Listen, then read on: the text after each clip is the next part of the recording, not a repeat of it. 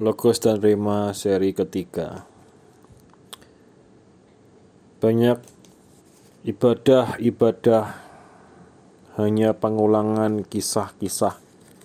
Bertahun-tahun hingga puluhan tahun mereka bicara cerita dan kisah yang sama. Mereka seperti jual kecap manis Jemaat membutuhkan gula, membutuhkan garam, tetapi yang diberikan kecap manis. Isa Al-Masih hadir memberikan problem solving nyata kepada umat, kepada jemaat. Tetapi para petinggi sekarang kerjanya apa? Kerjanya jual kecap manis. Ada juga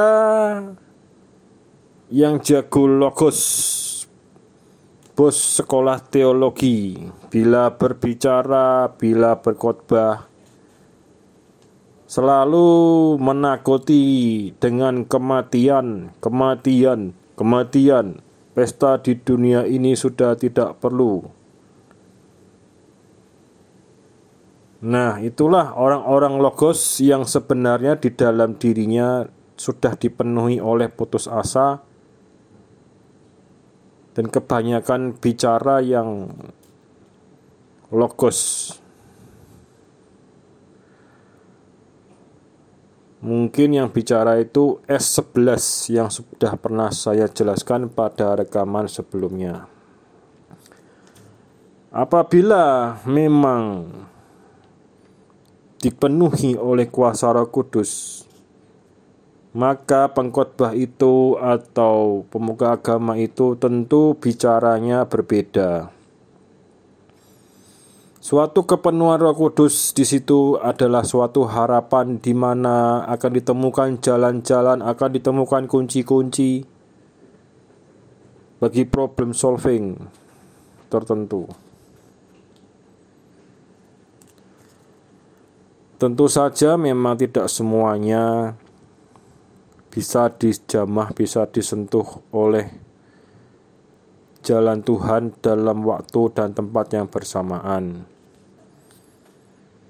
Namun seorang pengkhotbah, seorang pengajar, seorang pemuka agama yang terus-menerus dalam bicaranya menakut-nakuti dengan kematian, kematian, kematian, dan seolah-olah tidak perlu hal-hal yang menarik di dunia ini adalah sangat-sangat tidak sesuai dengan spirit, tidak sesuai dengan semangat Roh Kudus.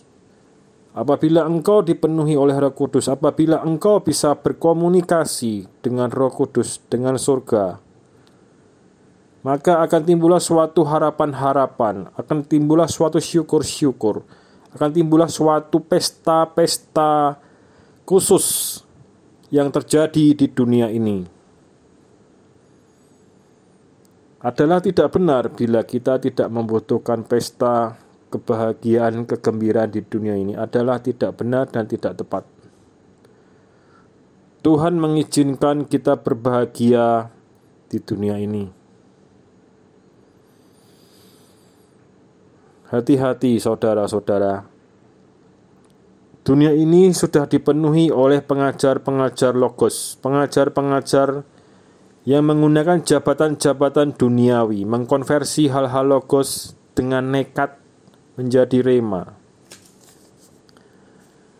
Orang-orang memilih pasangannya karena kekuatan logikanya, karena panca inderanya, karena matanya, karena hal-hal logos, hal-hal fisik kemudian diubah menjadi seolah-olah rema, seolah-olah itu adalah jodoh dari Tuhan. Diresmikanlah di dalam tempat ibadah dan disebutlah itu pasangan dari Tuhan.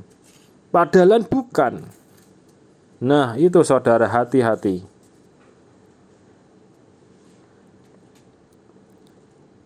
Bahan-bahan khotbah renungan-renungan yang logos terus-menerus setiap hari disuplai.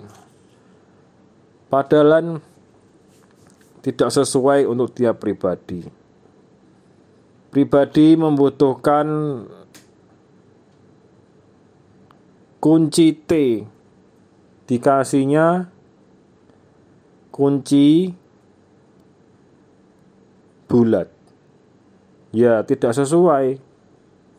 Hubungan dengan Tuhan adalah hubungan antar pribadi. Oleh karena itu, di dalam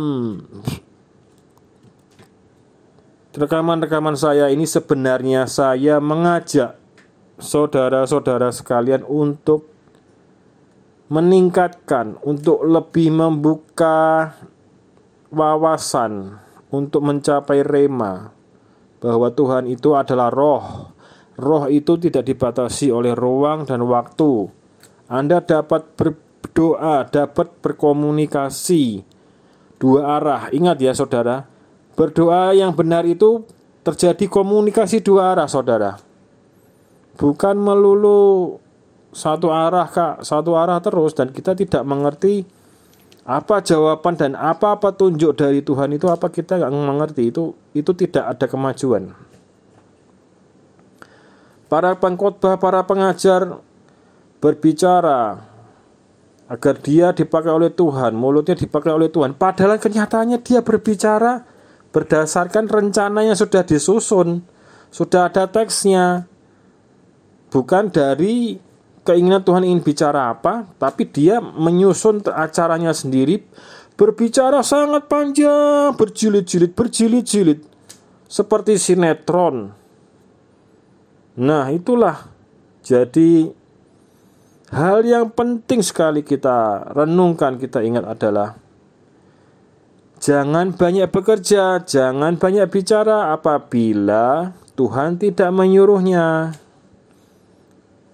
Ada tertulis yang menyampaikan bahwa engkau banyak bekerja, banyak ke sana kemari, mengerjakan ini, mengerjakan ini, itu.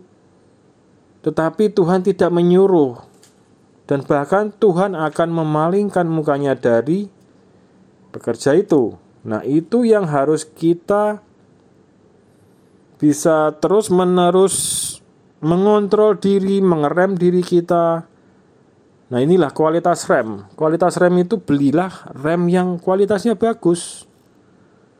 Situ saudara-saudara sekalian. Tadi mengenai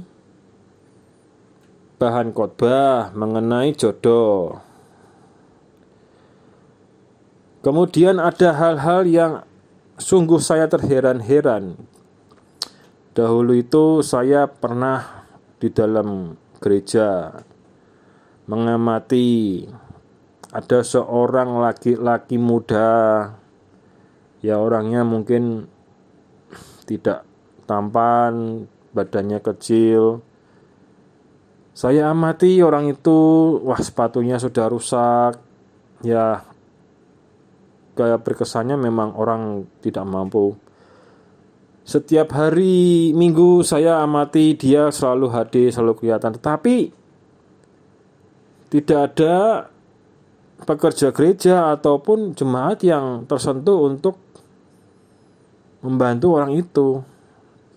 Nah, sedangkan gereja itu kalau ada saatnya minta sumbangan ya keliling orang memberikan sumbangan sedangkan pemuda ini tidak ada yang bersimpati untuk membelikan sepatunya yang sudah rusak itu dipakai berulang-ulang. Saya sungguh terheran-heran. Sehingga akhirnya saya berbicara dengan salah seorang pekerja saya. Eh maksudnya pekerja gereja itu bertanya-tanya. Kemudian saya putuskan untuk membelikan sepatu. Dan akhirnya dibelikan dan diserahkan oleh pekerja gereja tersebut kepada pemuda itu. Ini maksudnya sebagai contoh supaya kita itu peka, jangan logos terus, jangan jual kecap manis terus. Orang butuh sepatu, dikasihnya kecap manis. Orang butuh duit, baik dikit maupun banyak dikasihnya kecap manis. Orang butuh kesembuhan, butuh obat, dikasihnya kecap manis. Saudara-saudara sekalian, jangan mau dibodohi terus oleh pemuka agama macam itu. Isa Al-Masih hadir untuk memberikan problem solving nyata. Di saat-saat kita memasuki era kesusahan seperti ini, mereka terus jual kecap manis. Mintalah kepada mereka problem solving nyata. Minta. Apabila tidak bisa, carilah utusan-utusan surga yang mampu memberikan problem solving. Mintalah langsung kepada Bapa di surga. Semoga bisa dijawab. Nah, ada lagi kejadian yang sering saya temui. Banyak orang itu baik sama kucing, Anjing kucing liar dikasih makan, anjing liar dikasih makan. Eh, ketika, ketika ketemu teman dari saudaranya, saudara kandungnya punya teman nih. Mungkin memandangnya sebelah mata seakan-akan temannya ini kayak nggak ada apa ya, kayak nggak ada sisi positifnya gitu ya sebagai manusia. Padahal memandang manusia lo ya, bukan memandang kucing, bukan memandang anjing. Memandang sesama manusia aja negatif thinkingnya itu berlebihan. Keterlaluan gitu loh. Kadang mereka mikirnya berhayal negatif yang enggak-enggak atau mungkin memang sakit jiwa kali ya. Tapi kalau orang sakit jiwa lihat kucing lihat anjing itu malah justru cepat menolong cepat membantu cepat dikasih makan.